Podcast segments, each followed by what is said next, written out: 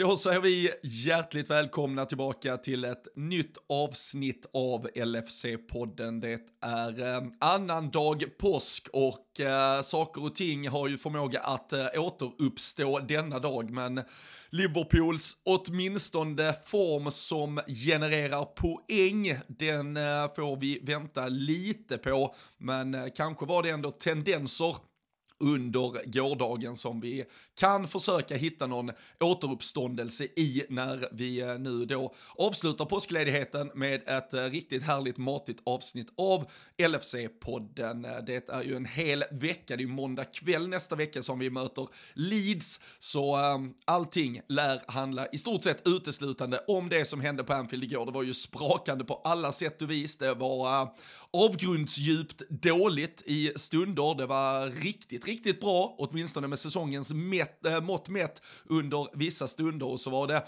armbågar i huvudet, det var straffmissar, det var märkliga beslut från både spelare, ledare, domare och massa annat. Så det är kanske ändå det härligaste och matigaste vi haft på länge efter att många matcher har varit ungefär som att stå och stirra på en vägg med färg som torkar. Så gör som ni gjorde förr i tiden, sätt er verkligen till rätta, för det här känns som det kan bli ett riktigt härligt avsnitt där vi ska åka berg och dalbana kring allt som hände igår. Så uh, avsluta påskledigheten på topp, för här kommer ännu ett avsnitt av LFC-podden.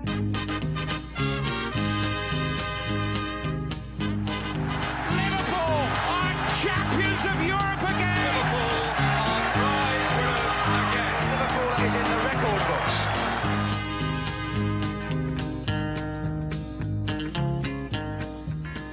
Ja, det gör det och det kommer som vanligt paketerat i form av det påskägg som eh, innehåller mig själv, Robin Bylund och Borås finaste jävla påskhare, Daniel Forsell. Eh, Håller du med mig ändå Dan om att eh, gårdagen på något lite samma liksom surret på sociala medier, lite efterspel, att det för en gångs skull var en av, ja det är ju inte ens en handfull matcher, som har eh, fått upp någon eh, form av puls eh, som inte bara är någon sån här sista jävla dödsslagspuls den här säsongen.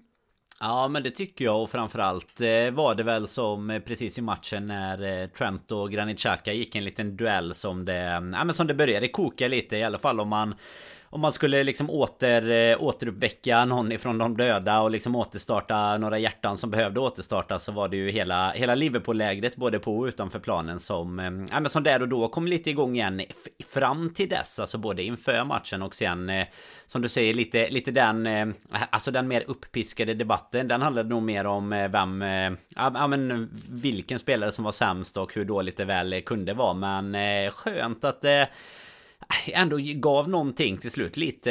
Det blev en eh, påsk i miniatyr där på Anfield på något sätt. Eh, man har både, man har både korsfästas och eh, återuppstå på, på 90 minuter där, verkligen.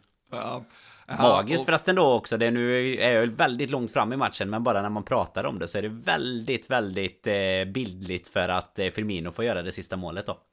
Just då, av, av allt som har med religion och så vidare att göra i, ja, i det här laget. Ja, jag, såg, jag såg en väldigt eh, rolig tweet med, det var eh, eh, Jesus 1, Mohammed 1, över till er ateister, och så var det någon som la in Darwin 0. Ja, lite fyndigt faktiskt. Men, äh, jag tycker bara för att äh, avrunda lite resonemanget du är inne på det här, kring det här med hur äh, Anfield ändå väcktes till liv. Alltså där, nu är vi en Liverpool-podd och behöver inte recensera Arsenal så mycket, men att de inte lär sig. Alltså vi hade ju, nu var det väl inte förra, det var väl förra, kanske säsongen, när mm. de också inleder med har 1-0, eh, har de väl till och med kanske och är ganska bra, eller de inleder i alla fall starkt, men så börjar Arteta bråka med Klopp och ha sig och bråka med publiken och allting och sen så gör ju Liverpool typ fyra när vi bara ja, vaknar och man får Anfield i ryggen och allting. Granit Xhaka, samma sak här. Ja, men egentligen hela Arsenal, alltså när den första halvtimmen som, som är exakt så illa som ja, de 90 minuterna mot Chelsea, som sista halvlek mot, alltså där Liverpool bara är helt ja, men paralyserade, bara står helt ja, men tumma i både blick och ben och allting. Anfield svarar med ja, men exakt samma beteende egentligen och ger ingen energi, kan inte uppmåna någon form av ja, men, eh, exaltering kring vad som händer. Arsenal håller på att promenera igenom oss och har ledning med 2-0. Och då istället börjar de, man märker lite så här smått, det var ju Ramsdale först, han älskar ju att börja maska, hitta någon obskyr skada han ska få lite omplåstring för, för att laget ska kunna samla sig. Och sen då när det börjar smälla lite så ska Arsenal-spelaren in där och grabba. Där är ju skillnaden mot Alltså jag vet ju, vi har suttit här och pratat och varit lite förbannade ibland på Liverpool för att vi inte har typ brytt oss, men när du är överlä alltså när du är väldigt bra, då ska du ju inte göra, alltså City-spelarna lägger ju inte den tiden och energin på motståndarspelare eller motståndare, mm. de är ju maskiner i de lägena. Men här tyckte jag man visar, Arsenal visar den här lilla tendensen av att de är uppe och slåss på ja, men de slåss mot de lite för stora killarna. Inte att Liverpool är det som lag och i formmässigt just nu, men att de inte riktigt är, alltså det är lite för häftigt för dem att vara i det här titelracet. Och de kunde inte hålla kylan, för hade de behållit kylan sista kvarten i första halvlek så hade de mycket väl kunnat rulla in 3-0 också och då hade det varit sån jävla ridå och då hade vi börjat se tomma stolar på Anfield i paus istället. Men de gav oss energin och det var bara tacka och ta emot. Ja men exakt så är det ju. Alltså de, hade de bara kunnat vara supertråkiga. Alltså inte, inte maska på ett sätt som irriterar liksom. Utan verkligen typ, alltså mer spela av matchen som ett... Eh, ja, men som ett lag, alltså inte så sätt kan komma till Anfield och göra hur som helst. Men eh, som ett lag eh, som Arsenal igår leda med 2-0 och ha, och ha det det Liverpool-laget mot sig som det var liksom fram tills den situationen egentligen. Då ska det inte vara så jäkla svårt att spela av. För det var ju ingen, eh, ingen i det laget som heller ville göra någonting. Och jag vet den matchen du refererade till. Jag tror eh, inte ens att de har gjort eh, mål i det läget va. Men det är ju fram till typ en halvtimme så är de ju verkligen mycket, mycket bättre. Klopp och Arteta börjar bråka lite och sen vinner vi med 4-0 liksom. Så att det är ju, det är ju lite liknande igår även om vi kanske ska ska säga att det Liverpool-laget var så pass mycket bättre att nu var det ju ett Liverpool-lag som kanske inte klarar mycket mer än och egentligen ta sig upp till ett eh, kryss men eh, med mer smak liksom på mer. Men det, på, jag vet inte, det, det, känns eh, lite som du är inne på som det är lite orutinerade att ligga i, i det läget och inte bara försöka. Jag menar det är samma om du hade tagit Real till exempel. Alltså de hade inte heller gjort på ett sånt sätt för att på något sätt riskera att eh, du får eh, Anfield emot dig. För det var ju faktiskt det som hände. Jag menar att, eh, att få det, att få den Anfield-publiken efter 0-2 hemma mot Arsenal också när vi ligger åtta och de leder och sånt. Det är ju också helt onödigt. För att det, det, hade ju aldrig heller eh, vaknat upp igen om inte det hade varit för att det började eldas igång lite. Även nere på planen ju... då. Och jag menar spelarna är ju, det, det är ju så här, man har ju inte fattat vad är det som krävs för att ni ens ska vilja någonting just nu. Men här kommer ju liksom beviset. Jo men det är att någon, att någon beter sig som en idiot framför oss. Då jäklar, då kommer jag vakna och till och med Trent eh, ner och slå tunnlar på kortlinjen liksom. Alltså, då, det, det, var ju verkligen det som behövdes. Det är någon som behöver stå i ansiktet och pilla lite liksom. Så här, du vet som en eh, femåring står på någon annan typ. Luften är fri, luften är fri framför så här. Och då bara, nej den är fan inte det. Nu jävlar. Det var, det var verkligen det. Ja. ja, det var, det var, det var ju hädiska eh, första 30-35 minuter. Vi kan väl eh, bara titta lite tillbaka till det lag Klopp väljer att skicka ut. Det var ju Ja, men det var 75 procents eh, förändring i eh, backlinjen där bara Ibrahima Konate var kvar. Um, Van Dijk tillbaka från sjukdom, Robertson, Trent tillbaka på ytterbackspositionerna. Sen väljer ju Klopp uh, samma mittfält som mot Chelsea med uh, Fabinho, Curtis Jones och Jordan Henderson.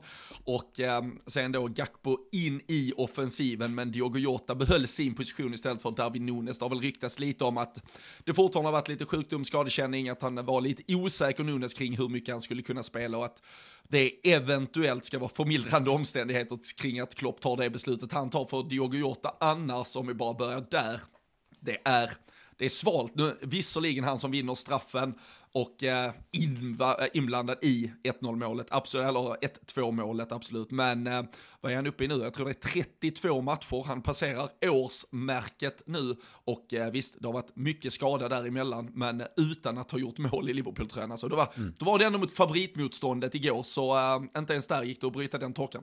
Nej det var ju nästan det man trodde först innan eh, det var Det sipprades ju redan lite innan på den här eh, promenaden och sånt Liverpool eh, alltid har. Det var ju inte Darwin nowhere to be seen först och då var det väl Tänkte man att det kanske var någonting litet och så Ja lite som du sa lite rykten om Om någon lättare sjukdom eller att han inte Att han inte kunde liksom spela hela matchen i alla fall. Och Då, då tänds ju lite hoppet i alla fall att det är Jota mot just favoritmotståndet. Men Alltså i spelet tycker jag om du bara jämför Visst, han vinner, han vinner straffen men det är också på en Det, det är liksom på en tilltrasslad situation om man säger så Det är inte för att han har, eh, har drivit igenom någon en mot en och Blir neddragen i ett friläge Jag menar, man väl, kan bara det jämföra mer, Det är ju mer dåligt av Rob Ja, Holding än verkligen. det är fenomenalt om någon annan kanske. Ja, ja men verkligen. Det är ju helt eh, onödigt framförallt att att vara där inne och dra i, eh, alltså i det läget i alla fall. Sen, eh, sen tycker jag bara jämför man, nu blir det ju inte vad man vill utav det såklart. Men Darwin, du vet han är igenom i något friläge. Sala ändå,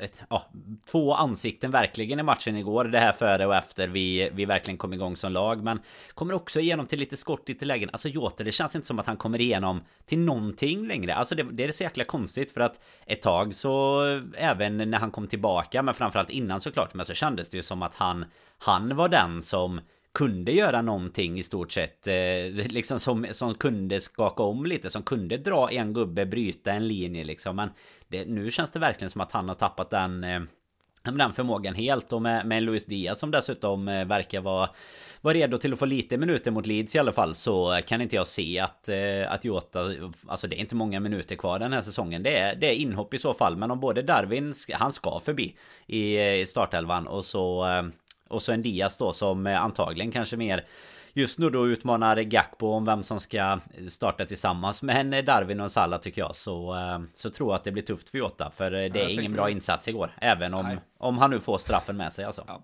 Jag tänkte vi ska komma lite till det. Jag avrundade gårdagskvällen med lite tankar kring hur eh, Liverpool hade kunnat formera sig eh, framåt resten av den, eh, ja men, ja, spelmässigt är det ju i stort sett en helt betydelselös avslutning för Liverpools del. Det, det är väl redan diskussioner och det har vi varit inne på kring hur mycket man ska satsa för att ens gå till Europa League, Europa Conference och kanske alternativt annars bara vaska allt som har med Europa att göra för nu nu börjar resultaten på andra håll också skena iväg så pass att Champions League nog får ses som dött lopp. Men eh, förutom Diogo Jota i, eh, i startelvan eh, så var det väl ändå att Curtis Jones också, alltså mittfältet återigen, det är ju att det är ju att eh, låta liksom ett, ett barn välja påskgodis från en bridgeblandning egentligen och man hatar ju allting som serveras men eh, det blev Fabinho, Henderson, Curtis Jones och eh, det enda positiva med det Danne, att Curtis Jones återigen spelar, det är ju att jag fick anledning av att eh, sätta mig ner i mitt lilla Excel-ark och eh, fortsätta djupdyka i Curtis Jones eh, prestationer den här säsongen och det, det hoppas jag att du har suttit på nålar och väntat på inför att Nej. vi skulle trycka igång idag. Det är när elvan kom igår så var det det första man eh, reagerar på att nu, eh, nu kommer det att eh, grävas och gottas i Excel-arket och det kommer att ja, uppdateras i sedvanlig ordning. Fastän du la också någon tweet om 63 Ja, det var ju- det var minuter men det, blev, men det blev 60 va? Eller vad blev det? det men så det exakt. var det, Jag det skrev är inom det. felmarginalen tycker jag. Ja, inom Fällmanjord, jag skrev ju att ja, men det ju, då, då får vi vänta 63, mil- eh, 63 minuter tills bytet innan vi kan få fart på den här matchen då. Och eh, bytet kom efter 60 och eh, efter det så, så vinner vi ju sista halvtimmen med 1-0 och eh, vad skapar vi i alla fall? 3-4 helt eh, fenomenala målchanser i stort sett. Så det var väl, eh, jag får väl ändå ge mig själv eh, fyra av fem eh, poäng på någon form av rätt-skala i, eh, i den inför-analysen. Och äh, ja, men det, jag, jag har ju tidigare suttit och, och det, det handlar ju såklart, nu vill jag vara tydlig med att det inte handlar om att hänga ut Curtis Jones på något sätt, men jag tycker det bevisar något, det, det säger någonting om eh, medelmåttigheten vi har eh, nöjt oss med äh, under stunder, för han är inte tillräckligt bra för att spela i ett, i ett lag som ska ligga i någon form av, äh, ja, men har målsättning att ligga i någon tabelltopp i Premier League, för han, han hade ju alltså inför sitt eh, sista, och det, där är ju bara en, pet, eller, en del i det hela, han har alltså haft fem olika skadeavbräck den här säsongen, alltså fem olika skadeperioder.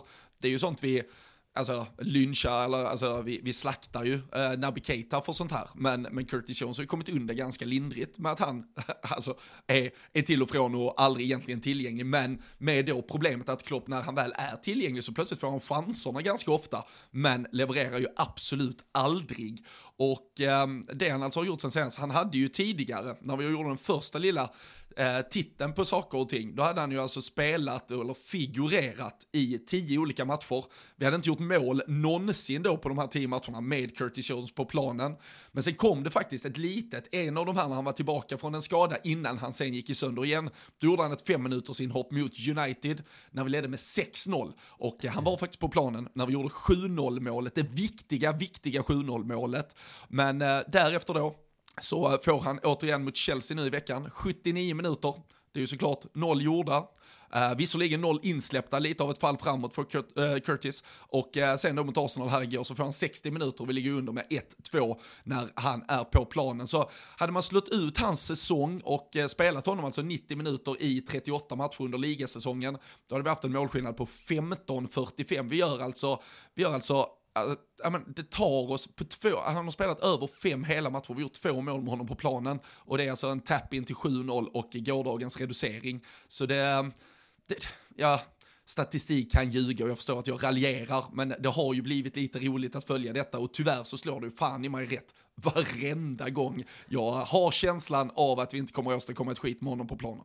Nej men framförallt tycker jag att man, alltså jag fattar att eh, någon eh, sitter hemma och tycker att, eh, att du är alldeles för hård mot just att peka ut en Curtis Jones. Men jag tycker det du är inne på först är alltså att vi, att vi alltså hamnat i den situationen där vi Alltså så här, ja, vem ska spela istället då? Nej, det är ju det som är problemet. Alltså lite så att hade det varit någon annan så hade man kunnat sitta och göra samma statistik på dem för att man tycker att alla beter sig lika uruselt på mittplan. Men då är ju grejen att, ja men då blir ju i första hand att man eh, måste få kritisera såklart. Och det är ju det som väl alla gör. Alltså både att vi inte har eh, har byggt om på framförallt mitten men i truppen i övrigt också. Men sen också då att Klopp och eh, medarbetare uppenbarligen tycker att de här är tillräckligt bra för att starta. För jag menar det måste ju finnas någon som gör någonting på träning som ser ja, men som ser bättre ut än vad som eh, än vad de levererar på planen om man säger så. För att, eh, att man sen då kan ta fram det här tycker jag efteråt. Jag menar nu är väl fotboll en av de eh, sporter där man faktiskt eh, där man inte tittar så mycket på den typen av statistik. I alla fall inte externt som man gör om man jämför med, med Kalle Sundqvist Brynäs till exempel. Där man ju i, i hockey har väldigt mycket statistik på. Du vet om, man, om du är på plan eller inte när du släpper in. Om du har plus minus statistik och sådär.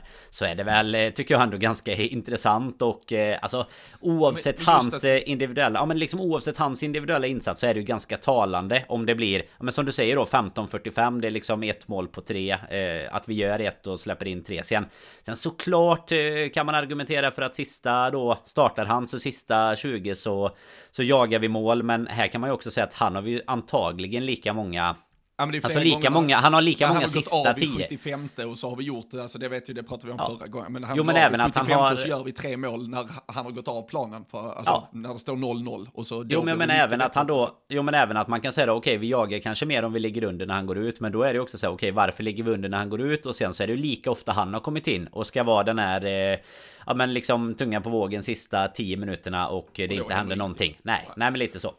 nej, och där, och där tycker jag också, för att bara avsluta resonemanget kring det, alltså att, att mittfältet var byggt i den struktur det var, det, det visste ju Kloppison och Milner, eh, med, med all respekt för honom, så ska han ju ha mindre och mindre speltid. Att Naby Keita var, var skadebenägen och absolut ingen Klopp-favorit, det visste vi. Så jag tänker att Curtis Jones måste ju varit en av de här spelarna som Klopp ändå har tänkt att han var redo för nästa steg den här säsongen. Och eh, där tycker jag ju i den miljön, då, alltså i ett under, ursäkta, i ett underpresterande Liverpool, så fanns ju lite den, alltså Stefan Bacci, alltså det krävs ganska lite tänker jag, av en, om vi, säger, om vi fortfarande rankar in honom eller lägger honom i det här lite ung och lovande. Det hade krävts väldigt lite, alltså om vi säger briljans, intentioner, för att i alla fall väcka lite jävla livsglädje i det här liksom tragiska Liverpool-laget. Men att inte ens lyckas med det, det, det, tycker jag är lite illavarslande. Så han var ju med på förra veckans lista på spelare jag absolut inte ser en framtid för i Liverpool. Han är kvar på den listan. Det är ingen, kan jag meddela, som har förflyttat sig på, på den listan. Och, Snarare åt fel håll i så fall. Va? Det, jag tänker inventeringen där efter 30 minuter igår, den hade inte varit... Eh, det, det ska de vara glada över, att de slapp. Att de i alla fall räddade upp en liten återuppståndelse där. För det hade kunnat vara, hade kunnat vara rejäl motorsåg idag känns det som om det hade stannat vid 0-2. Ja, det var ju någon, någon som skrev att vi skulle skänka bort hela backlinjen, men jag sa skadat goods tas väl inte emot på sådana här soptippar längre. Liksom det. Man får uh, först plåstra om det innan man kan uh, dumpa det på tippen. Men nej, det, det var verkligen en uh, ruskigt svag eh, inledning på gårdagens match och sen eh, för att då ändå ge både Curtis Jones och Diogo Jota lite beröm så är de ju involverade i målet som ger oss reduceringen. Det är väl Jones fram till Jota, Henderson och ner mot Salah som stöter in den och där då för att knyta ihop mittfältsäcken så också, alltså alla våra mittfältare, gud, gudarna ska veta att vi har ju många mittfältare, sen mm. att de är svaga är något helt annat, men jag tror att tre mål och fyra assist hade alla våra mittfältare gemensamt bidragit med, så det är väl en extra assist då på eh, Henderson där från gårdagen, men eh, äh, det, är ju, det är ju ändå ett mål som ger lite hopp inför pausen. Och eh, sen vet jag inte, men eh, det kan ju också vara att en armbåge i huvudet tände laget lite eh, inför eh, vilan där. För det var,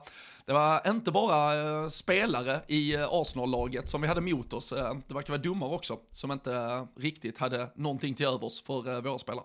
Nej, och team, team Tierney är väl inte de vi har eh, hyllat mest eh, för heller känns det som. Utan de... Eh, man vet Klopp, Klopp har något emot elevrådsordföranden och här... Här... Ja, vad ska man säga? Det rann ju igenom även för Lindemann att han... Han ut sin sekreterare på lite ja, uppdrag också. Ja, men exakt. Man märker ju att de... Att... Nej, det är något mot Robertson. Det var ju någon spaning. Nu har jag den inte framför mig. Men det var ju även samma... Samma team där i den Robertson åker ut när inte Kane gör det mot Spurs. Exakt. Är ju samma linjeman och allt och kanske är därifrån han eh, liksom bara väntat på ett läge att kunna dra upp eh, armbågen egentligen och eh, vara lite förbannad på Robertson. Nej men så jäkla märklig situation överlag. Det är ju alltså som, som de flesta gör när man pratar om det efteråt så här om man vänder på det och ser att att Linjeman typ hade nästan lagt en liten hand på Robertson bara. Alltså det är ju knappt det han gör ens. Han är ju bara framme och ser ut som att han frågar vad... Ja, om någon situation ungefär. Men att eh, Robertson bara skulle armbåga en linje. Alltså då är säsongen, då är det ju bara tack och hej. Och så är det ju resten av matcherna uppifrån läktaren. Så att eh, det återstår väl att se här vad, vad som kommer att bli resultatet av, eh, av hans armbåge istället. Det var någon som skrev en ganska rolig tweet kring det. Liksom. Här, här gäller det för domarorganisationen att sätta standard, annars har vi väldigt många unga linjedomare där ute i landet som kommer gå runt och armbåga spelare i huvudet.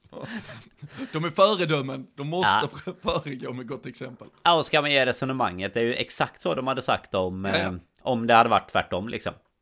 Så, äh, det är ju, ehm, vi får se, Mitrovic fick väl eh, åtta matcher för att eh, i, ja, eh, i stort sett ha, ha, ha blåst lite luft på domaren och kommit i närheten av honom. Så en armbåge på hakan, vi får se hur de rankar den. Och, och man kan ju, man kan ju höra, det var ju ruskigt svaga resonemang, men jag hörde liksom Lagerbäck var inne på det via Viaplay-studion efter matchen att ja, men han har väl förberett sig lite, han känner väl någon form av hot mot att Robertson kommer lite adrenalinstinn och uppjagad. Men Alltså det spelar ju ingen roll, där får man ju, han får ju hålla, om det nu är så att Robertson bröstar på, alltså skulle fysiskt nudda, då vet, alltså domaren har ju trots allt det här jävla säkerhetsnätet bakom. Alltså han, vi har ju precis sett bara för några veckor sedan att nuddar du ens domaren då är det åtta matchers avstånd. Alltså väljer Robertson att ta till det. Han kan ju inte förvänta sig att få liksom ett slag i huvudet Nej, och dö. Så han behöver inte försvara sig som att det är ute på gatan och att folk jagar honom, utan han måste ju, han får ju någonstans stå där och brösta. Väljer Robertson att gå över gränsen, då vet han ju att han kommer att bli så jävla straffad. Så jag kan ju stå här, lugn och ro, och ta den här diskussionen med Roll. Men att bara skicka upp arm och det spelar ingen roll nästan om han, alltså, han, alltså symbol, det är, det är så tydlig arm, alltså och jag hade förstått lite, alltså håll ute armen, markera lite. Ja, exakt, så här, alltså, avstånd. Typ. En halv meter bort, sen om han då nudd, alltså för då är det lite Robertson som kanske kliver in i den handen. Då är det liksom, nej men vet du vad, håll en meter. Du kan ju inte sätta upp en armbåge i huvudet, det är, uh, nej och vi får väl se det. Domarorganisationen skickar väl ut redan där under matchen att de uh, var aware of the incident och uh, skulle fortsätta granska det och när folk hör detta kanske det har kommit något mer. Vi sitter ju tidig måndag morgon och spelar in så uh, ja, vi får väl se det. Men alltså egentligen allt annat än att han sätts åt sidan resten av säsongen borde, alltså det, det bör väl vara att vi alla är lika inför lagen tänker man. Och uh, jag vet inte. Det, det blir ju väldigt svårt och märkligt att säga att uh, han ska döma Liverpool igen i alla fall. Ja men verkligen. Och framförallt känns det ju som att det blir något eh, Alltså lite som man är inne på där om man går bak till Spurs-matchen. Det är liksom långt att gräva men det är ju ändå man, man blir ju eh, Som du är inne på alltså att han ska Att de ska döma Liverpool i Samma konstellation känns ju egentligen inte rimligt när det Alltså det Nu, nu är det säkert inget personligt så sett mot just Robertson. Det hade kanske kunnat vara någon annan men Du är inne på det där att det finns ju liksom ingenting som eh, som ger någon anledning till att göra på det sättet i och med att han har det eh, verkligen det brutala skyddsnät han har bakom sig och, och bara alltså är Robertson ens på så är det bara så ha rött kort ut hejdå liksom. Alltså om han verkligen skulle vara vara för på på riktigt så att eh, nej dra en eh, håll ut en arm och bara visa att så här, du står härifrån då har ju du, har ju typ domaren också tagit över eh, vad ska man säga liksom övertaget av situationen och säga så här du kommer inte närmare mig just nu för då då ryker du liksom. Jag, nu vet man inte vad vad det Robertson är och, och klaga på. Jag såg att eh, Roy Keane typ hade kallat han någon gnällig bebis liksom. Jag menar vad fasen det är ju... Eh, det, det, det är inte Roy Keane tror jag som ska snacka om de Nej. Eh, situationerna. Han hade nog gärna tagit diskussionen med domaren. Det var ju två, tre rätt billiga situationer där nere vid hans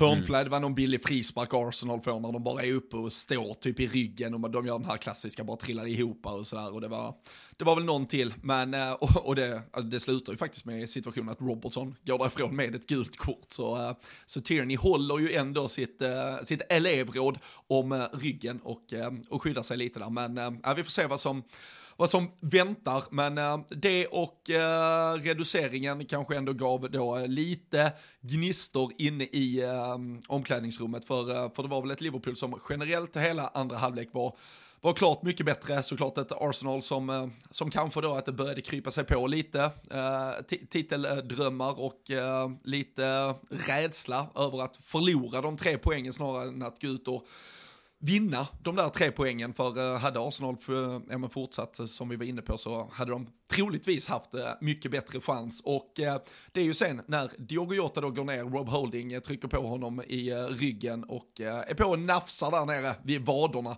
så får vi ju chansen att kvittera från 11 meter. Men Mohamed Salah han följer upp Bournemouth-bränningen för några veckor sedan med två raka straffar nu här då, Danne, där han missar målet helt och mm. hållet och det är väl mer eller mindre oförsvarligt från eh, en straffskytt.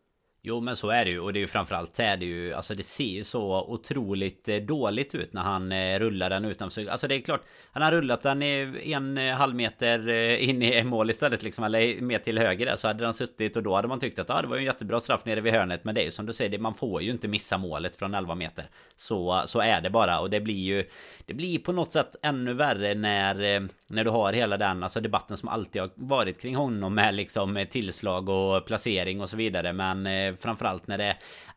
Den, den ser bara så otroligt eh, usel ut. Alltså den ser, eh, straffen ser lika usel ut som med våra försvarsagerande på på målen liksom. Så att då, då hoppades man ju också. Det är precis tycker jag som mot Bournemouth en, en sån viktig... Alltså det är ganska tidigt i matchen fortfarande. Det är en sån... Vi, vi kan kvittera och vi kan liksom få fortsätta trycka på. Det är en får inte hända att du missar målet i, i något av de lägena egentligen. Och sen om, eh, om Ramsdale hade varit där och gjort en eh, superräddning, ja men då kanske det är något annat. Men nej, det är fan inte... Det är inte tillräckligt bra alltså. Jag vet inte vad man ska, ska säga om det. För att det går ju... Det blir ju genast en debatt efteråt kring, du vet, ja men han kan ju inte lägga straffar och så vidare. Nej men uppenbarligen har han ju kunnat det ganska bra tidigare i alla fall. Vi, vi, vi, ska väl eh, komma till, och jag tänker bara, alltså Bournemouth-straffen, där, där går han ju ändå, det, det är ju kung och fosterland och så, och så skickar han upp den i, i rymden i stort sett. Här, här vet jag inte, jag satt och vevade den ett par gånger igår, jag vet inte om han har bestämt sig från början att han ska placera den.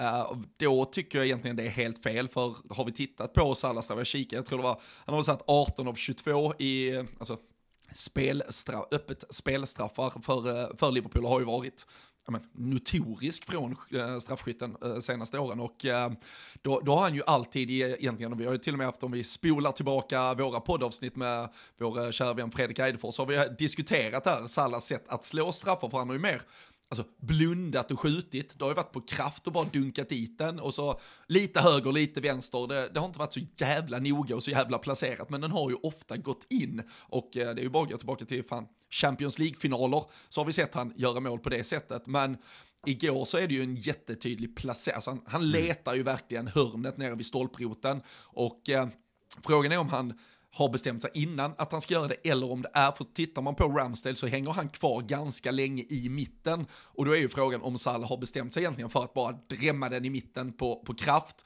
vilket jag tror kanske med tanke på att han brände förra.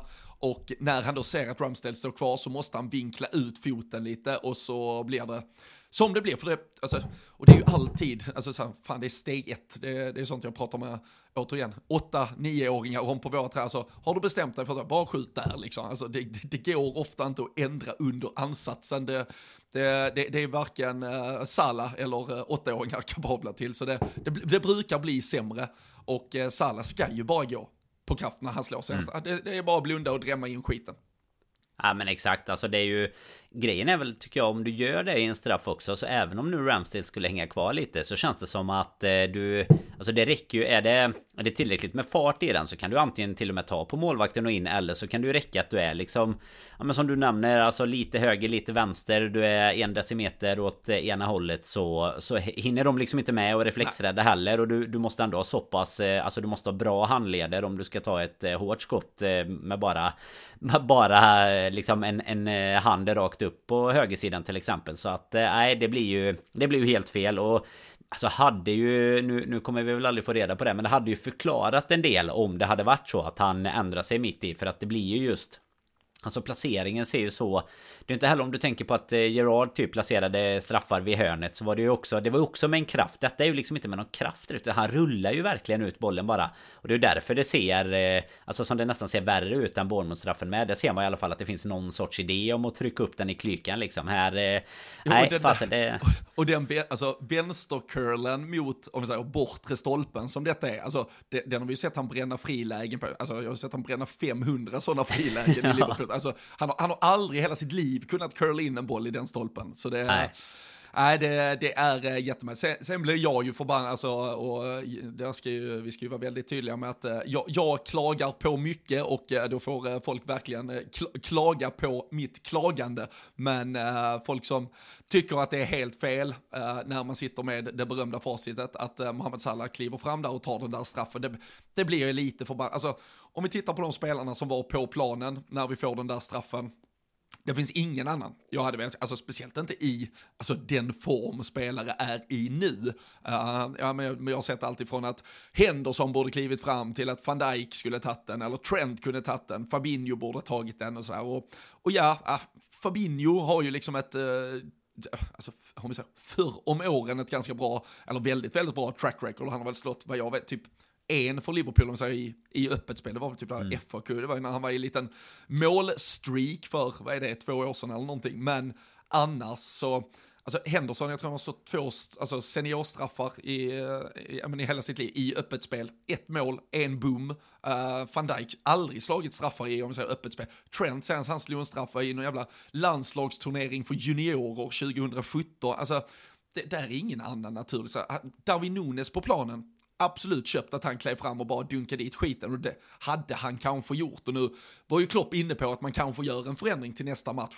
Och eh, då, då, tror jag, alltså då handlar det om vem som är på planen. Och det är typ bara Nunes jag, jag, jag kan se kliva fram och slå den.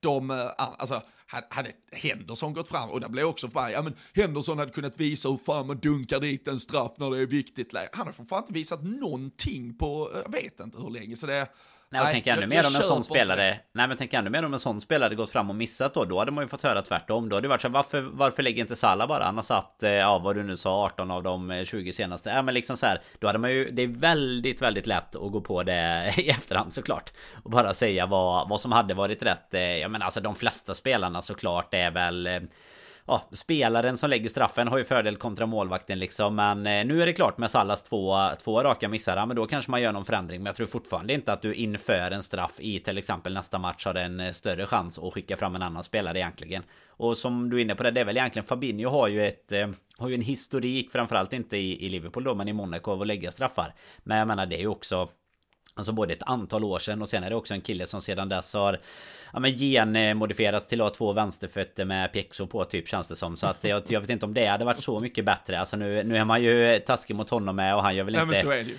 Han gör ju inte en mycket sämre match än andra Men jag menar titta på formen. Alltså det är fortfarande så att Salah är ju en spelare Tycker jag i alla fall Lite så frikopplad från Alltså han kan vara iskall. han ju Alltså han kan som- vara iskall i en hel match Men så gör han ändå mål liksom. Ex- Alltså han, han kan ju Han har ju ändå den Typ it-faktorn på något sätt Och det är bara att titta på hans eh, Ja men titta på vad, hur mycket mål och poäng han ändå bidragit med Även fast man tycker att han har varit sämre den här säsongen Och ytterligare någon säsong innan. Sen, eh, sen är det såklart eh, katastrof och synd att eh, han nu har två raka straffmissar då kan jag också tycka att ja, men då, det kan väl vara värdigt att låta någon annan försöka Men eh, precis som vi är inne på här Det beror ju helt på vilka spelare som eh, som är på planen då också. Sen eh, Jo, jag du- vet du- faktiskt ing- ingen aning om Gakpo la straffar och sånt eh, Nej, tidigare men heller. Du, Men... du slösar ju inte det på, en, alltså det såg vi ju bara med Brentford i helgen också, Ivan Tony, han hade väl också liksom gjort mål på 20-30 raka straffar i stort sett, bränner en. Mm. Men han kliver ju såklart ändå fram nästa, han är ju bäst på att slå dem i, alltså egentligen. Uh, sen uh, bränner Salah här och det är, som sagt, då tycker jag, när du, när du bränt två, då kan vi diskutera, men då vill jag också ha, då vill jag fan ha vettiga motbud, och då vill jag inte höra någon jävla Jordan Henderson ska fram och slå straffar, för han kan inte slå straffar. Han har ju för fan inget tillslag, han har ju, jag vet inte vad han har, han gjort. gjorde och ett assist igår. Ja, men, Du, jag tänkte på det förresten. Jag glömde säga det innan när du drog fram statistiken. Jag kommer inte ihåg vad du sa. 4 plus 3 eller tvärtom på mittfältarna där. Men när sådana assist räknas då är det fan inte svårt att, att komma fram till den statistiken. Det säger Nej, ju det- ännu mer. Det säger ju bara ännu mer om hur illa det är. För det kan ju vara så att eh, ett, ett mål är tap-in och två assist är sådana som igår. Så är det ju egentligen typ 1 plus 1 eh, i slutändan liksom. Ja, nej, Som hela mittfältet så. har bidragit. Så, så, så illa är det ju. Så äh, det, ja, och det är väl, och då får man ju räkna in att, då skulle jag tänka mig att Harvey Elliot har väl gjort två av dem, va? jag tror han räknades in som Mm. mittfältarna där, och det är väl, vad har vi, Rangers borta, Wolves borta, han kanske till och med har gjort ett. Kan, kan, kan vi, alltså jag kan ju inte komma på, har någon annan, jo, Oxlade gjorde ett. Fan, vad var det? Brentford borta, han gjorde äh, en, en 1-3 mot, va, något sånt. Ja, det de kan fan stämma. Det kan, bli, typ. det kan bli nästa gräv i alla fall. Vi ska se eh, vad, vad, vi, vad vi har på mittfältarna. Det är, jag kan inte komma på något eh, mål eller eh, assist så direkt just nu heller faktiskt. Nej, nej, vi lämnar det där eh, hen. men uh, vi får väl se. Leeds borta, om vi får en straff så, uh, så borde det kanske vara, om uh, Darwin Nunes är på planen tycker jag han ska kliva fram. Annars har jag inga motbud. Om, om det är samma spelare som är på planen nästa gång så tycker jag att Salah ska kliva fram igen. I alla fall. Så, uh, så också att han fick kritik för att han inte gick och uh, tackade publiken efter matchen. Han gick rakt ner i spelartunneln istället. Där har jag ju alltid varit eh, team förbannad anfallare. Det är som när Suarez eh, klev av och bara hade gjort eh, tre mål men ville göra fyra. När eh, Sadio Mané, vad var det, borta mot Burnley för tre, fyra år sedan blev eh, utbytt mot, eh, mot, kan det vara mot sen? Nej, de kan inte ha bytt mot varandra, men han blev avplockad istället för Salah. Det var alltid några, några duster per säsong när han blev förbannad över sådana saker älskar när en målskytt är förbannad över. Han, Salah är ju såklart inte förbannad på, han är asförbannad på, han kommer gå hem och nöta 4000 straffsparkar Ja. i trädgården idag liksom. Så det är, alltså, det är skillnad på spelare som, alltså när du har bevisat vinnarmentalitet, kapacitet, alltså kunnande för att kunna vinna, avgöra den här typen av matcher förr. Och så går det inte en gång och du blir förbannad. Det är sak om vi hade åkt till Old Trafford, blivit upprullade med, ja, förlorat med 7-0, som de gjorde på Anfield. Då går du fan i mig och tackar publiken för att de ens stod ut med att se det. Här går Salah bara av för att han är asförbannad på sig själv och eh, kommer bara fokusera i en veckas tid på hur han ska göra det bättre mot Leeds. Så inga problem att han går av och är asförbannad. Nej, och han har ju också det läget eh, som i och för sig inte han kan grämma sig för så jäkla mycket egentligen. Utan det är ju Ramsdale som gör en, en superräddning på ett läge där han eh, skjuter ju via, vet inte vem det är, det är via någon back i alla fall som där bollen verkligen, ja men på tal om eh, vänsterskruv och Curlar leta sig in i bortre hörnet så hade ju, hade ju den styrningen curlade ju upp eh, bollen rejält men så kommer det ut några fingertoppar där och Ramsdale visar ju egentligen eh, ja, men varför Arsenal är där de är också när man eh, kan göra sådana räddningar. Det är ju så Allison har gjort för oss så många gånger under de eh, åren som vi har varit, eh, varit superbra. Och samma med den här Konate-bröstningen. Det kan man ju diskutera i all oändlighet varför varför bringan skickas fram i det läget. Men det har ju ändå, har ju ändå någonting att, att det just är bringan han väljer istället för foten eller huvudet som brukar vara, vara de ja, lite mer naturliga kroppsdelarna Ja, att göra mål med.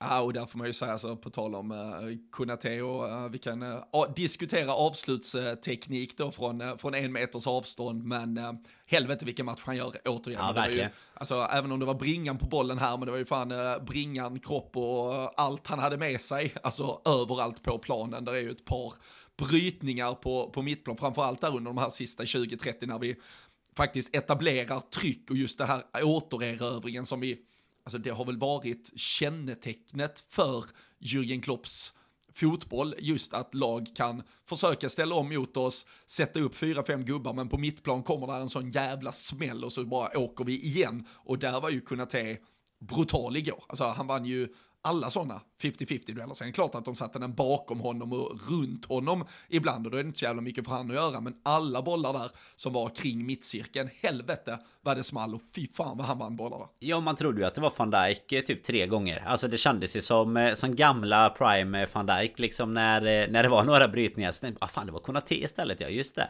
Så nej, han gör ju en riktigt, han, jag tycker väl egentligen nästan han är våran, våran bästa spelare. Sen för att gå tillbaka till Salah så har ju han om man nu ska gå på de här XG och allt vad, vad som finns så gör ju han liksom statistiskt sett en match där det är klart du missar en straff också. Så det, det bidrar ju till den statistiken. Men jag menar, du, han har ju fler lägen och kommer ju fram. Alltså även det är väl två eller tre stycken han har, du vet den här klassiska som eh, som han har gjort mål på så många gånger när han drar sig ända ner till kortlinjen nästan. Nu sätter han den i burgaven eh, ett par gånger och någon går till hörna och sådär. Men eh, är ju också den för, mycket den mer livlig. Halvlek, liksom. Den i första halvlek är ju den svagaste när han ska få till någon vänster yttersida. Men det blir liksom, den, den prickar ändå typ stortån på vänsterfoten. Så det blir, den går ju rätt ut på ja, ja. Annie Lower och bara skickar ut. Alltså. Man är rätt säker på att det är hörna och undrar varför inte eh, domaren pekar ut. Och så ser man reprisen från, tyvärr fanns det en kamera bakom mål också. Man undrar vad, vad det var som hände där. Nej men det är ändå, han kommer ändå runt i de lägena och sådär. Och nu nu, hade det ju behövts Ja men uppenbarligen ännu lite mer igår för vi, vi skapar ju alltså absolut tillräckligt eh, för att vinna. Och jag menar andra halvlek är ju en riktigt bra halvlek eh, och är egentligen ända ja, från minut då typ eh, 35-40 där någonting när, när det kommer igång liksom. Men eh, ja, men tyvärr är det ju alltså det man det man i efterhand tycker jag blir mest eh, bara förbannad på då det är ju att vi ger bort allt i början istället. Alltså då vi, vi sätter oss i det läget med 0-2 helt i onödan. Alltså det är ju två visst andra målet är ju ett vanligt så här inlägg och nick nick. Men det är så alla ser lite så halvtrötta ut. Alisson orkar inte riktigt sträcka ut. Ingen som orkar gå upp mot Jesus. Eh, kanske ja, samma alltså, där. Mitt i, ja, mitt i påsken kanske man inte ska gå upp mot eh, Jesus. Men eh, det, det är ändå... Ja, det, det är liksom... Första målet är också bara... Då, då springer ju bara rakt fram. Van Dijk passar fram. Och det är så här man bara... Nej men vad fan. Det är ingen som vill någonting. Så att då... Jag kände ju mer efteråt så här. Många var... Oh, det var bästa matchen. Och fan vilken match och sådär. Men jag kände bara... Alltså så jävla onödigt att vi gav bort de här poängen mot Arsenal. Alltså, vi, vi hade ju lika väl kunnat komma ut lite påkopplade, haft i alla fall 0-0 till Xhaka börjar bli en idiot. Och kanske han inte hade blivit då i och för sig, så eh, vi får väl se. Men nej, det bara känns nej, det så ju, otroligt alltså... onödigt att vi inte, att vi ska behöva något sånt för att ens kunna spela fotboll liksom. Ja, och alltså van Dijks första, första halvtimme är ju, den är ju, alltså den är ju blytig, den är så jävla svag. Som du säger, alltså den studsar och Visst, man, ska, man kan prata otur och man kan prata liksom, ah, hur fan kan allt studsa mot oss? Men det är ju på grund av ja, men, hundradelar i både, både fötter och beslutsfattande. Ja, det är sånt som gör att foten är vinklad lite sämre än vad det borde vara och så vidare. Sen kan vi prata maxutdelning, men det, det är det du får när du är ett Arsenal i lite toppslag mot ett Liverpool då som, som är där vi är. Och eh, alltså van Dijks och he hela försvarets ingripande vid det första målet är ju, det är ju, alltså, det är ju så förner, alltså den bollen den har ju inte styrfart ens när den rullar förbi Alisson, man bara ser den bara rulla, rulla in där. Och, eh, och sen att det inte blir, alltså Även om Jesus gör det bra, han hittar ytor, men han är ju ensam i den boxen där både van Dijk och Robertson, oavsett hur de väljer att fördela det, så måste ju någon vara klart mycket närmare honom istället. Har ju båda 4-5 meter till honom, så det är, det är ju väldigt, väldigt enkelt. Jag vet inte vem, är det Martinelli som sätter in inspel? Det är, det är väldigt lätt att hitta det huvudet där inne och sen för Jesus att bara knoppa dit den. Så det, är Nej, det är, det är jätte, jättedåligt. Och där, jag blir också eh, förbannad, eller förbannad, men liksom när, när Klopp då är ute, jag, jag förstår inte hur vi inte vann det här. Ja, men det förstår jag, för vi låg under ja. alltså med 2-0 efter en halvtimme. Du brukar inte kunna ligga under mot en serieledare med 2-0 efter en halvtimme och sen vinna fotboll. Det är inte jättemånga som gör det liksom. Så det, det är ganska uppenbart varför vi inte vann det där. Ja, nej, vi kan skriva under att det var Martinelli i alla fall. För han satt längst ut på The Reds-bänken och skrapade ihop mer poäng än hela laget i, i FPL. så att Du- eh, du ja, jag från- tror i alla fall... klarhet till klarhet i din uh, Ja, jag, tränargärning. jag, jag bara tror i alla fall på vårat... Ja, jag tror i alla fall på vårt lag. Så jag sätter Arsenal-spelarna helt längst ut. Det kändes helt, eh, helt rimligt inför. Nej, men som du säger, alltså det här med första målet. Ja, jag tror ju inte... Alltså, du kan ha otur med, med studsar och så. Men du kan inte ha så otur så många gånger som vi har haft eh, den här säsongen. Alltså allt handlar ju om... Alltså dels det här klassiska eh, det, det var väl eh, Stenmark som sa något så här Det är så jävla konstigt ju mer jag tränar ju mer tur har jag Typ lite som du säger med Salah Går hem och nöta 4000 straffar nu bara för att han inte ska missas nästa gång ungefär och Alltså du du har ju den här lilla marginalen med att Arsenal som är i formtopp, eh, tabelltopp, de är liksom påkopplade. Alltså det är samma sak där. Hade, det, hade de studsarna hänt oss just nu så känns det som att vi hade inte haft någon som Martinelli som hade varit där och tagit eh, Ja men du vet varit framme och tagit tillvara på chansen för vi hade varit två steg bakom. Alltså Det så jag tror det var Jag såg att många tyckte oh det är otur och det studsar hit och dit. Men nej det är fan inte det utan det är eh, Allt det där handlar om att För det, det där hände ju aldrig när vi när vi var bra och det gick jättebra Då blir det inga sådana mål Så att eh, jag tror inte att det handlar mycket om det Sen kan du såklart någon gång då och då ha Ha jätteotur med, med studsen och oflytt och sånt där Man eh, såg, såg ju bara igår Det är en helt annan podd men när det var någon målvakt i Allsvenskan som trodde att straffpunkten Oliver, blev bollen Oliver istället Duvin i Ja, Hammarby. ja. ja men typ sånt. Alltså det där är ju inte otur eller oflytt eller dåligt eller något. Det är ju bara Det, det är ju bara någonting som eh, Som händer liksom i någon sekund som du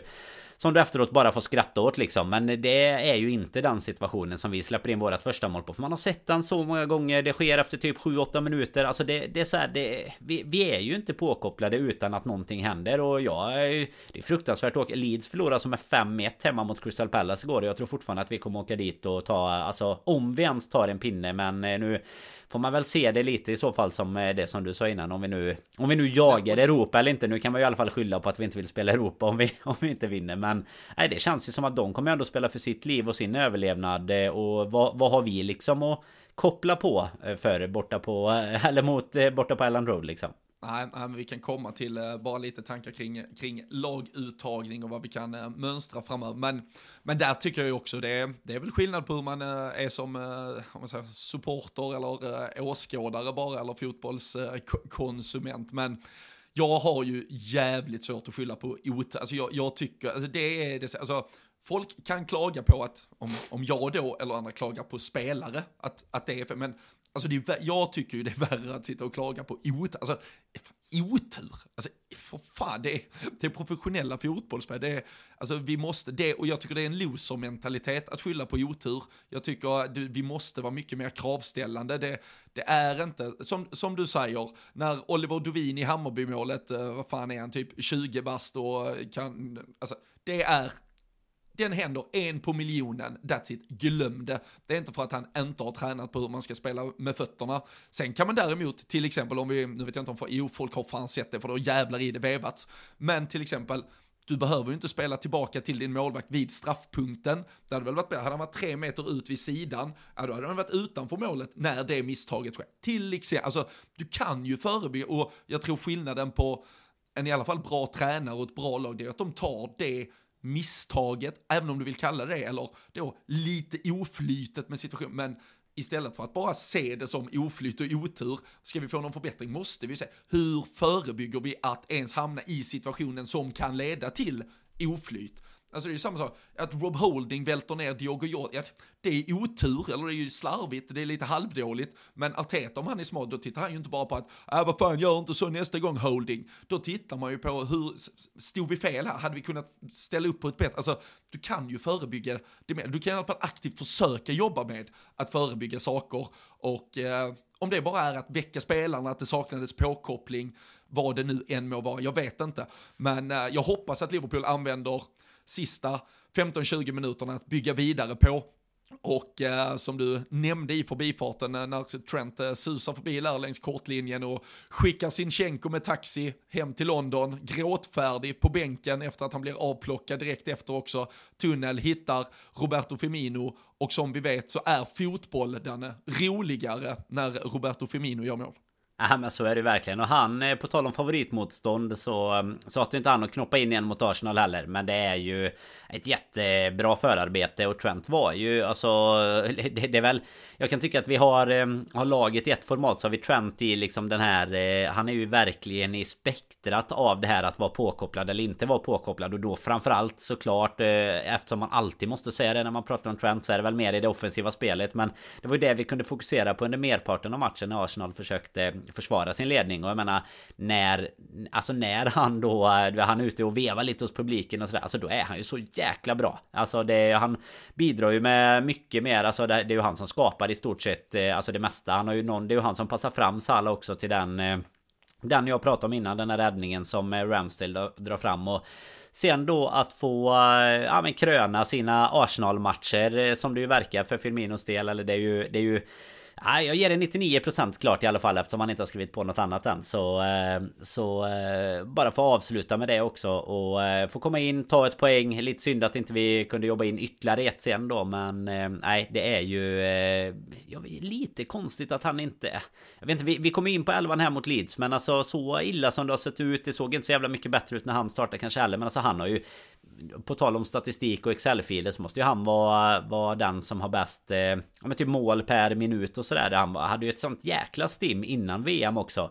På, eh, på mål han gjorde så att eh, där, eh, det finns ju något eh, litet sparkapital i att, i att ha honom i alla fall. Sen är det ju bara frågan vad fasen vi ska spela om i ja, drygt en och en halv månads tid här nu. För det är ju det man känner lite. Alltså ska vi hamna i någon eh, Conference Europa League. Det är klart man kommer väl alltid vilja komma så högt som möjligt. Men topp 4 har har man väl räknat bort sen länge och dessutom med de resultaten ett Newcastle som börjar komma igång och ja, nu slog Spurs Brighton med lite hjälp eh, och sådär också. Men eh, nej, jag vet inte fasen vad man, vad man ska landa i riktigt med vart, vart vi ska hamna i alvan. För jag hade ju gärna sett Firmino spela mer. Men vi pratade ju om konkurrensen innan och en Dia som kommer tillbaka. Då, då blir det också svårt och eh, liksom du, du, vill ju ändå börja någonstans nu bygga inför nästa säsong och kunna se vad, vad ska vi ha kvar och inte liksom. Och han har ju redan skrivit på avskedsbrevet. Så jag vet fasen.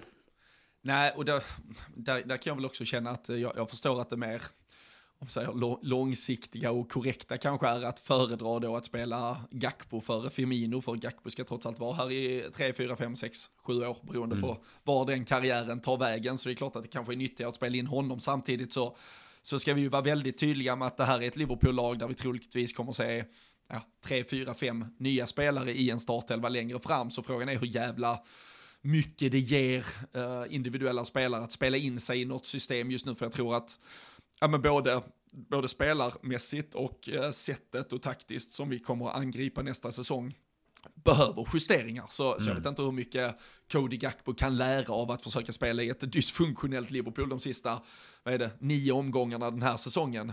Um, kontra att han uh, byggs, byggs mycket mer bara under sommaren i, i en, in, ja, en ny Liverpool-miljö så att säga. Men jag, uh, jag tycker också, bara för att avsluta men, resonemangen kring spelarinsats, alltså det blir ju ett annat Liverpool med ja, men när Nunes kommer in, när Firmino kommer in, när eh, Thiago kommer in och, och, vi kan prata länge om att det ändå inte är ohållbart med Thiago och att eh, han eh, ja, men, är, är, för otillgänglig för ofta.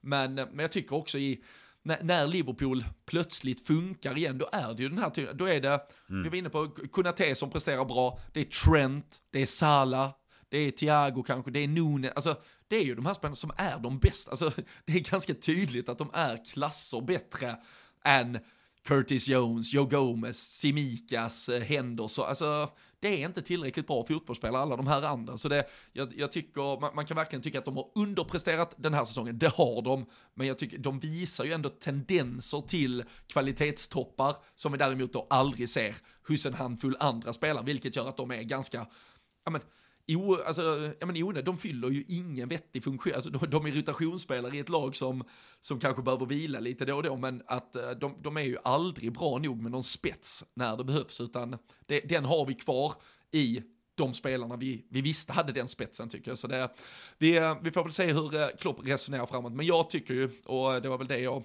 för att då återgå till det jag hade skrivit eh, igår kväll kring att eh, nu tycker jag Liverpool, alltså gå all out attack, alltså spela som vi spelar sista 20 minuterna på Anfield igår. Låt det, alltså att det ringer där bak, det, det gör det ju även när vi bara står stilla med vår jävla fyrbackslinje och tittar. Alltså, så det kan vi ju inte, alltså vi behöver ju inte sätta det, utan ös på framåt. Och där, där tycker jag, alltså backlinjen som den var igår tillsammans med Allison, det, det tycker jag är givet. Spela så. Sen spela Thiago och Fabinho, balanserande två stycken tillsammans. Och sen skicka in en offensiv armada där jag tycker att Firmino kan droppa i den där tian. Uh, han och Gakpo kan absolut uh, avlö avlösa varandra lite. Luis Diaz, rätt in med honom direkt han är redo. Darwin, släpp lös honom på topp och så uh, Sala till höger. Så en 4-2-3-1 då helt enkelt. Där det får bära eller brista. Vi vinner 5-3 några matcher, det går kanske åt helvete någon, men låt oss ha lite kul de här sista 48 dagarna där nedräkningen är igång som återstår av den här säsongen.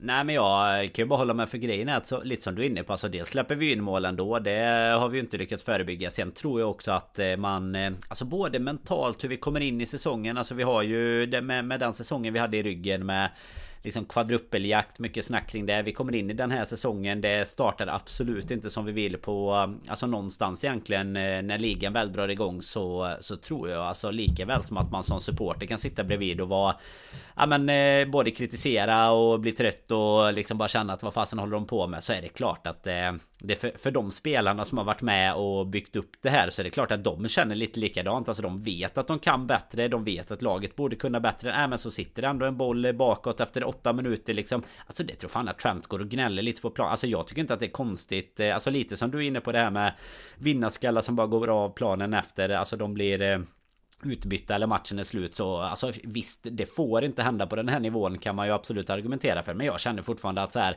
alltså om jag sitter och inte kan vara eh, begeistrad inför Arsenal hemma eh, i april liksom hur fan ska hur fan ska de lyckas och, och liksom tända till utöver att deras lön för mödan är lite högre än vad min är när jag sätter på tvn? Men eh, samtidigt är ju det också de måste ju vara på plats va? Robin på att uppleva det här live och släppa in det här målet efter åtta minuter. Det slapp man ju själv den här gången i alla fall. Men eh, nej det Eh, det, det, finns liksom någonting mentalt i det. Jag tror att de också känner att eh, nästan på att nedräkningen i kalendern för att säsongen ska ta slut eh, börjar och, och kryssas av också. Och lite sådär att nu vill, nu vill man typ in i sommaren och börja på en ny kula. Eh, och, och det köper jag och då kan vissa spelare kanske tendera till att se sämre ut än vad de, eh, ja men liksom än vad de egentligen är. Jag tror eh, att det finns jättemycket sparkapital i en del av de här spelarna. En del ser jag gärna på med andra adresser eh, under sommaren eller efter sommaren också. Men eh, det finns många som har fått bära liksom hundhuvud den här säsongen som jag inte tror eh, att Klopp eller eh, någon annan kommer vilja bli av med. Utan som man vet alltså tar Trent återigen som exempel. Man vet ju hur mycket fotboll det finns där och hur bra han har varit. Detta får liksom bli en säsong som vi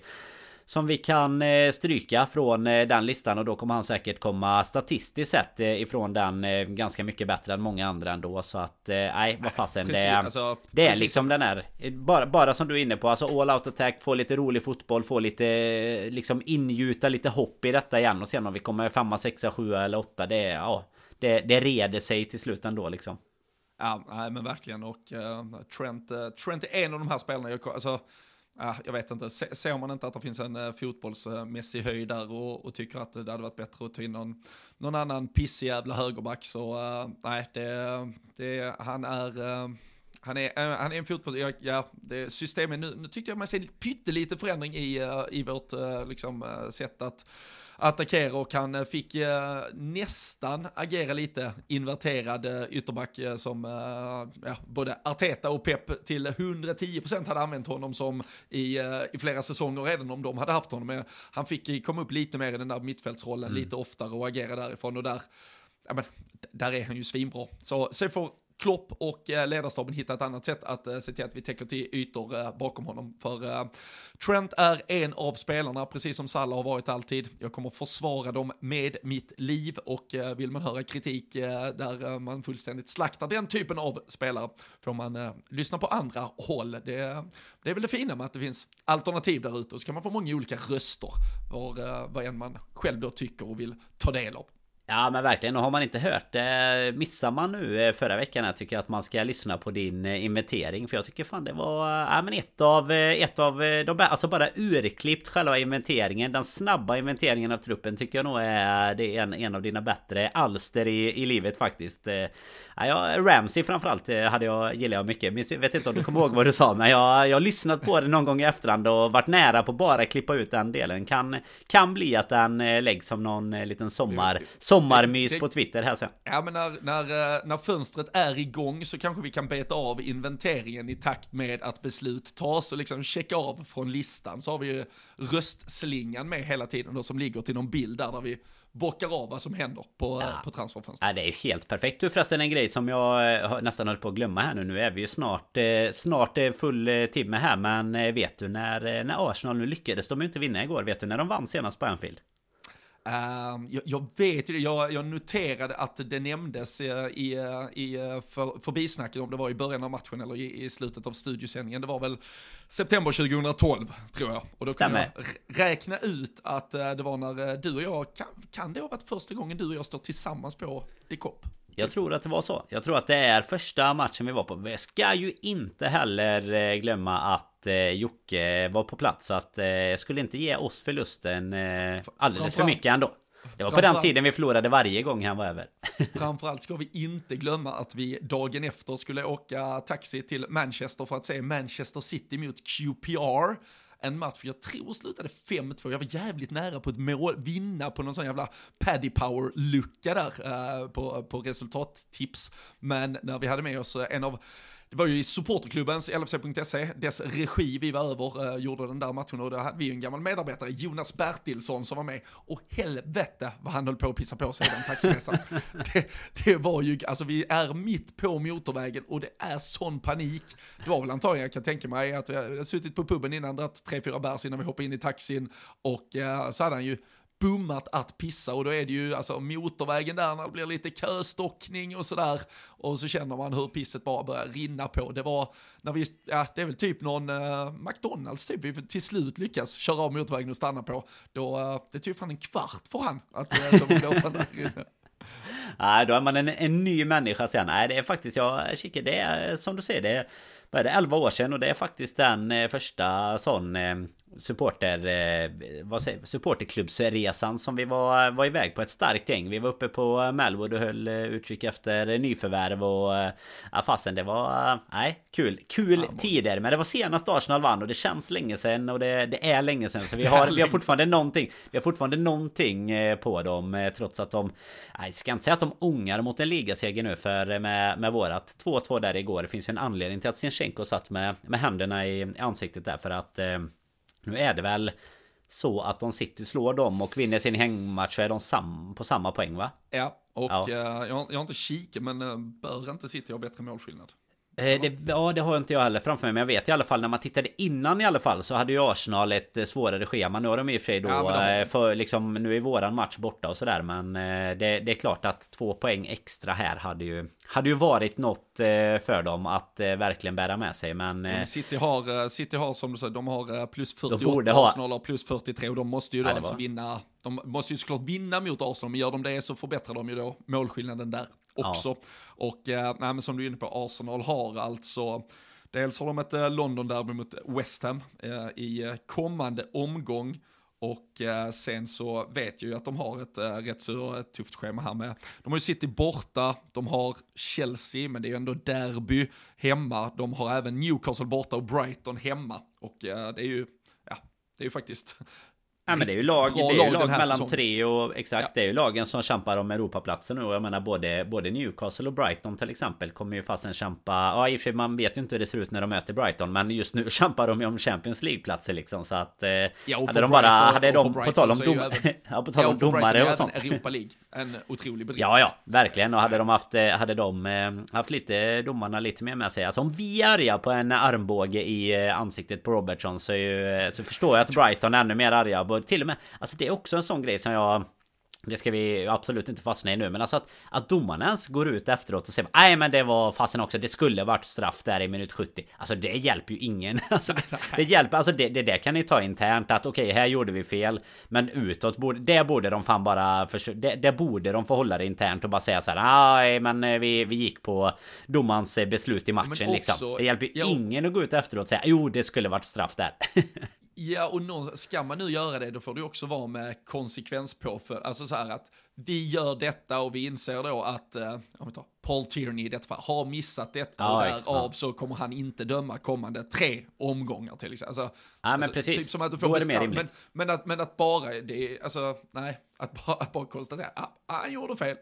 Uh, uh, Okej, okay, ni har ju investerat miljoners miljoner i olika hjälpmedel för att det inte ska bli fel, men skit i det. Vi uh, ska som sagt till uh, Ellen Road om en vecka, Danne, och uh, där var ju Roy Hodgson och gjorde fem, så vi får ja. se om Klopp kan leverera minst detsamma, annars är han, hänger han löst i sommar när vi kan eh, plocka in eh, Roy-gubben istället. Men äh, vi får se, jag hoppas att det är ett Liverpool som äh, väljer som sagt att gå all out attack. Det är bara att ösa på nu. In med Luis Diaz, vi får lite jävla virvelvind i startelvan. Darwin Nunes ska bara pulsera på framåt och äh, så får vi se vad fan det blir av det. Det är Champions League-fotboll i veckan, inget för oss, man kan bara ligga på soffan och ta det lugnt Danne, men eh, vi är såklart tillbaka efter att laget har varit på Allan Road. Och eh, Allen Road nästan lät det som, men Ellen Road såklart. Och, Joe Allen eh, Road. Joe Allen Road, det är Anfields eh, nästa namnbyte. Fy fan, mäktiga jävla Joe Allen. 69 på, 69 på ryggen också.